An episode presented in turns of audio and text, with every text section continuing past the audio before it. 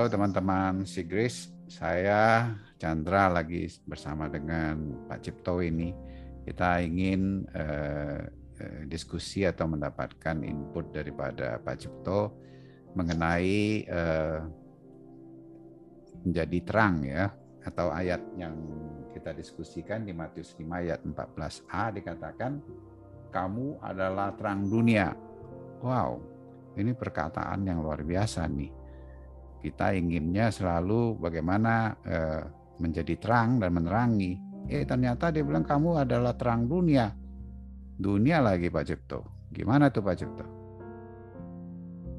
Thank you Pak Sucing. Ya, kita semua jadi uh, terinspirasi kalau membaca ayat ini ya bahwa ke, bahwa kita adalah terang dunia karena yang berkata ini adalah Tuhan Yesusnya. Nah, biasanya itu saya itu kan hidup eh, kadang-kadang di dunia itu bukan aja eh, redup ya situasi hidup, tapi dia gelap ya. Misalnya eh, apakah itu tuntutan pekerjaan, apakah itu tuntutan kesehatan, sepertinya situasi hidup itu seperti gelap gitu. Dan biasanya itu kita di dalam dunia sekuler itu di marketplace itu di dalam rumah tangga itu kehidupan sehari-hari itu harus mengusahakan bagaimana situasi itu yang tadinya redup atau remang-remang atau bahkan gelap itu bagaimana jadi terangnya.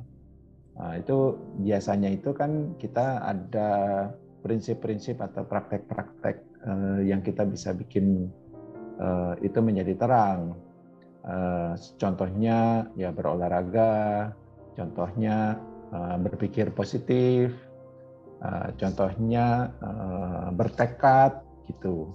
Nah itu kan semua bagus tuh. Tapi setelah saya membaca ini, saya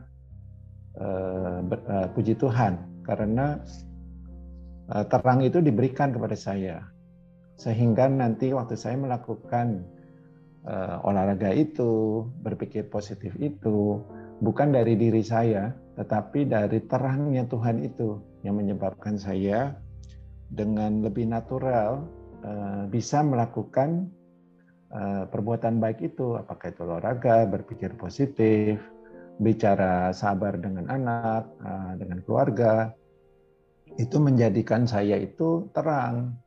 Nah, jadi saya adalah sumber terang dari keluarga saya, jadi anak-anak lebih dekat, atau pekerjaan jadi menjadi ringan karena terang dunia itu yang ya ini adalah Tuhan Yesus adalah di dalam saya. Sangat berbeda waktu itu karena dulunya sayalah yang harus jadi terang itu. Saya yang harus uh, bergumul untuk menjadi terang itu. Uh, jadi sekarang itu uh, tidak bergumul lagi ya, tetapi percaya kepada terangnya yang sudah diberikan kepada saya, dia bersinar. Nah, tidak lagi saya yang harus melawan kegelapan itu, tapi terang itu sudah bercahaya di dalam saya. Jadi saya itu bisa menikmati ketika keadaan itu masih remang-remang, eh, masih gelap, tapi saya bisa menikmati Uh, saya bukannya senang dengan kegelapan atau remang itu, tapi saya bisa menikmati terangnya dia di dalam saya, uh, sehingga keadaan gelap itu tidak bisa mempengaruhi saya.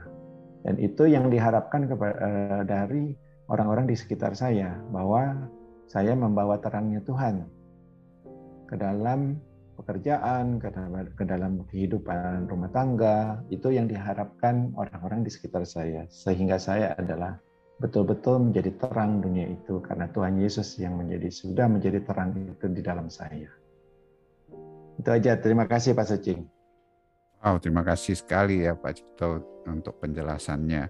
Sebenarnya eh, sederhana aja ya, tinggal percaya apa yang sebenarnya yang kita ingin eh, jadikan eh, terang atau menerangi itu eh, bukan dari diri kita ya, karena eh, terbatas kekuatan kita, tapi itulah yang Tuhan sudah lakukan. Bahkan dia sendiri itu adalah terang itu tinggal dalam hidup kita dengan percaya seperti itu di tengah situasi kondisi apa pun juga yang kita kategori sebagai kegelapan itu tidak lagi menguasai ya atau terbawa ya, tapi terang itu yang bisa semakin dinikmati bahkan ya tadi Pak Cipto katakan dinyatakan ya uh, di dalam segala situasi kondisi yang uh, uh, sedang dilalui begitu ya Pak Cipto. Amin Pak Sucing, thank you. Oke, terima kasih Pak Cipto. Sampai ketemu lagi di dalam pertemuan Sigris berikutnya. Tuhan memberkati.